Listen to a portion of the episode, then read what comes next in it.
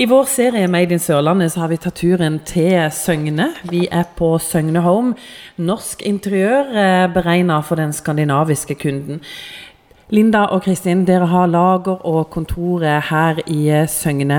Vi må ta tida litt eh, tilbake. Hvordan kom egentlig ideen om at interiør, ja, det har vi lyst til å starte med. Altså, Vi har jo jobba i interiørbutikk før. Og så hadde vi vel hatt en periode hvor vi kjente at det var eh, tida for noe nytt og ønska å gjøre litt andre ting.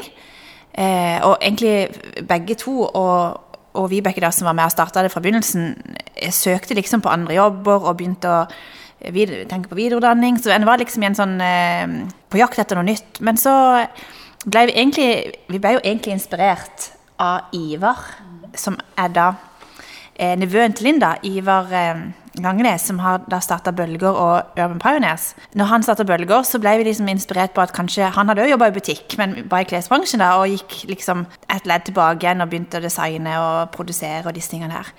Og så var det egentlig kom ideen med at kanskje vi kunne gjøre det samme og skape vårt eget merke innen interiør. Og det skjedde veldig kjapt og gale.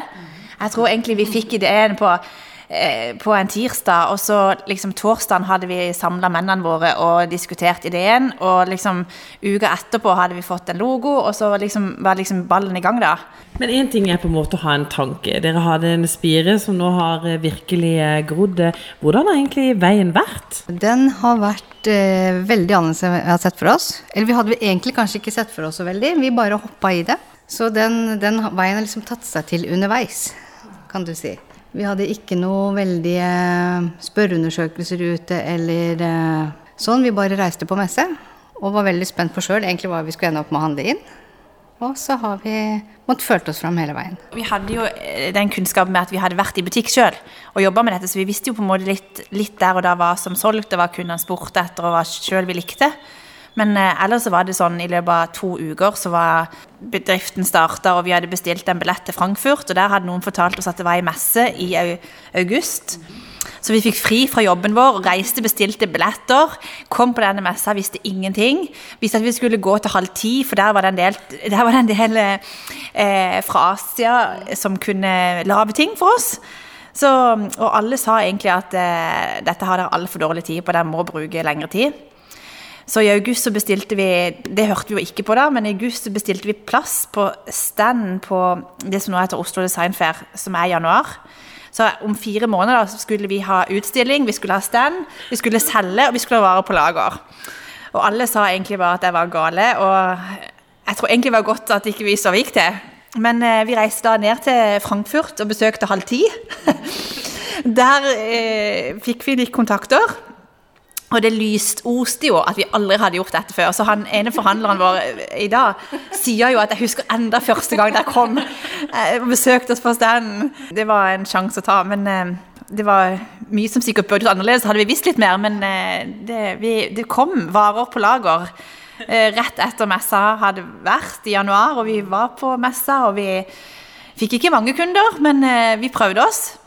Og det var i hvert fall en begynnelse, og vi var i gang fra der. Men eh, Linda, hva sa mennene deres, hva sa familien deres, som dere eh, sa at uh, dette skal vi drive med?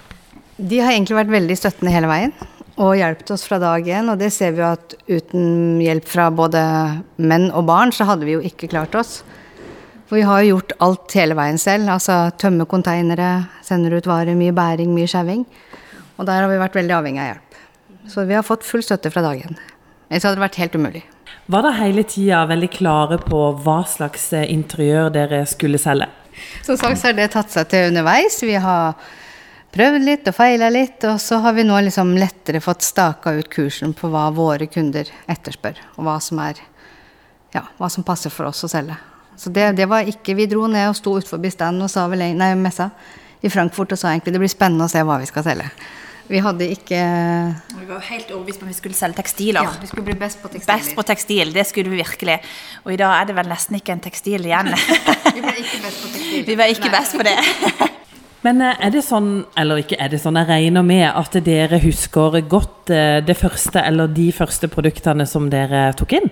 Ja, vi hadde jo en idé som vi hadde med oss eh, ned for å finne en, en leverandør på til Frankfurt. Og det var jo ei tegnelykt som vi hadde fått ideen da ute, ute i skjærgården. Linda eh, på hytta, og vi hadde mannen til Vibeke, og Vibeke satt hjemme og spikka og skjærte og lagde en demo på den tegnelykta. Så den var veldig første sånn som vi eh, eget, produkt. eget produkt som vi, som vi lagde. Eh, hvor det var glass inni, og det var dri, skulle være drive og tau. Og, det var ganske vanskelig å finne en, en, eh, fabrikk til det, for det var så mange elementer som skulle passe både med i forhold til drive og glass og tauverket. Og, så det, det, var det første som var sånn egenprodusert. Og i dag så er jo sortimentet blitt eh, ganske mye større. Mm, det er det. Det er um, Men det er nok aller mest cruisene som folk kjenner oss igjen på, tror jeg. Hvis du sier Søgne, så tenker nok de fleste cruise. Cruise med tekst. Men dere sier at eh, det var en litt sånn eh, vanskelig og tøff start, for dere visste ikke hva dere gikk til. Når dere sitter her i dag, da, hva, hva tenker dere? Var det ålreit å ta denne sjansen? ja, absolutt. Jeg ville aldri vært det foruten. Men hadde en visst veien, så er det ikke sikkert at en hadde, hadde, gjort det. Du må jo gå all in, og det er jo en livsstil som du må brenne for. Eh, og så er det vanskelig å sette grenser og vite hvor mye du skal gi inn. og vite Det er mange ting rundt som spiller inn på andre deler av livet som også er viktige. Det har vært kjempespennende og er fortsatt veldig spennende. Men uh, dette gründerlivet, hvordan er det? Det er litt sånn all in. Det spinner jo rundt i hodet hele tiden. Vi har, vi har jo ferie, men har, du har egentlig aldri ferie. For det, det, det koker opp i hodet hele tida. og en har egentlig aldri fri, samtidig som vi styrer vår egen hverdag mye sjøl allikevel, da. En av hovedgrunnene til at vi begynte å tenke på å gjøre dette her, var jo at vi som sagt jobba i butikk alle tre. Og da blir man veldig oppbundet i arbeidstid, samtidig som vi òg var veldig opptatt når ungene våre hadde fri. F.eks. sånn som jobb i butikk i desember er jo kjempehektisk. Og jeg hadde jo da sovna på sofaen på julaften i nesten 20 år. Og så måtte du gi ekstra inn da på sommeren når ungene hadde ferie, og så var det da å begynne å tenke litt og tenke åssen en kunne få tilpassa hverdagen med familielivet vi sto midt oppi, da. Og da var det vi tenkte at det var lurt å starte for seg sjøl. Og det var det jo, men vi har vel aldri jobba mer. Men du kan jo mer bestemme når du skal jobbe når ikke du har noen åpningstider å forholde deg til. Jeg får vil tro at uh, Søgne Home er ting som surrer i hodet deres uh, hele tida. Det ligger egentlig så ligger det alltid der på hva, hva, vi kan videreutvikle, hva som kunne solgt hos oss. Hva nye tekster på cruise. Uh, det er av og til vanskelig å koble av. Jeg merker at den blir sliten på en annen måte til tider, for det er så mye som ja, kverner inn i hodet som ikke ja, Mange avgjørelser å ta, mange ting vi er usikre på. Jeg skulle ønske en hadde liksom gjort det før, en del ting. Og så, og så har læringskurven vært kjempebratt. Ingen av oss har drevet med innkjøp før. Ingen har drevet med logistikk, ikke med design, ikke med litt med salg, men en helt annen type salg. Så det har vært, eh, det har vært mange ting som en bare måtte hoppe i. Som har krevd mye, egentlig. Og så sa dere at det er kanskje cruisene som dere er aller mest eh, kjent for uh, i dag. Fortell litt om disse cruisene, for uh, du har noen stykker foran her. Det begynte jo med en serie på seks stykker. Eh, som vi tenkte at vi kunne komme litt med litt nye tekster og bytte ut eh, underveis. Og nå er vi vel oppe i nærmere 60 tekster. Fordi alle selger like godt, så det er, det er vanskelig å slutte med noen. Og så er det vel et par år siden nå som vi kontakta Trygve Skau og spurte om han kunne komme med sitt favorittord, om vi kunne få et favorittord av hans. Og det fikk vi. Det var velfortjent. Samtidig som han sendte oss da masse av disse her små mikropoesidiktene sine, som vi kunne òg velge i. Og det blei jo så vanskelig å velge at da måtte vi gi ut en serie på seks av de. Og de har slått kjempe, kjempegodt an. Per i dag så er det jo elleve tekster vi har i samarbeid med han. Og så kommer det en de du ser på her nå, det er en helt ny serie som kommer med nye tekster. Og i tillegg da at porselenet på disse er sort. De skal ut de skal ut. Sammen med, han skal ha en boklansering. Så da, det, da, skal de være på lager til januar. Mm. Men vi holdt jo på å slutte med cruise. Ja, vi gjorde det. Så vi begynte med cruise, eh, noen få cruise, og det var ikke tenkt å være en sånn samleobjekt, egentlig. Og så eh, solgte det kjempedårlig. Etter noen år så tenkte vi bare vi må bare gi opp det òg. Da hadde vi liksom kutta oss med tekstiler, og vi hadde, vi hadde liksom visst liksom i hvor Det er ikke best på porselen Nei, vi var liksom ikke best på det heller, vet du. Det er jo også litt sånn frustrerende. Så vi bare tenker at liksom, kan det ikke være én ting da som bare kan være litt sånn som går av seg sjøl? Men så eh, vet jeg ikke hva som skjedde, men så begynte det kanskje å spre seg litt. Og det der med å vite hvor lang tid på en måte et produkt ofte kan ta før det det selger seg inn og det blir en, en ting som folk legger merke til. Vi går jo her og ser på ting daglig, så en, en blir jo litt sånn eh, En blir kanskje litt lei og tar litt lett på noen av de tingene som en tenker dette går ikke, og så er det noe med det å, å holde ut og prøve med noen andre ting, da. Så det var et sånt produkt hvor vi ikke helt skjønte at det, det trengte lengre tid for å for å nå ut til folk. Er det andre ting dere vil trekke fram som er sånn typisk eh, Søgne Home? Vi selger jo mye mangotre. Eh, den der kontrasten mellom det litt kalde porselenet og, og, trevarer, det er jo litt sånn holdt jeg på å si, mye nordisk stil her. Litt sånn rent design, og så drar du inn litt naturelementer som myker det opp. Så veldig mye mangotre selger vi også. Er vi veldig glad i det skandinaviske og det litt røffe? Jeg tror vi er det. Vi liker det veldig godt sjøl, men vi har liksom funnet vår nisje på det. Og vi hadde jo veldig mye mer myke tekstiler før, og, og der er det jo veldig mange som er veldig gode.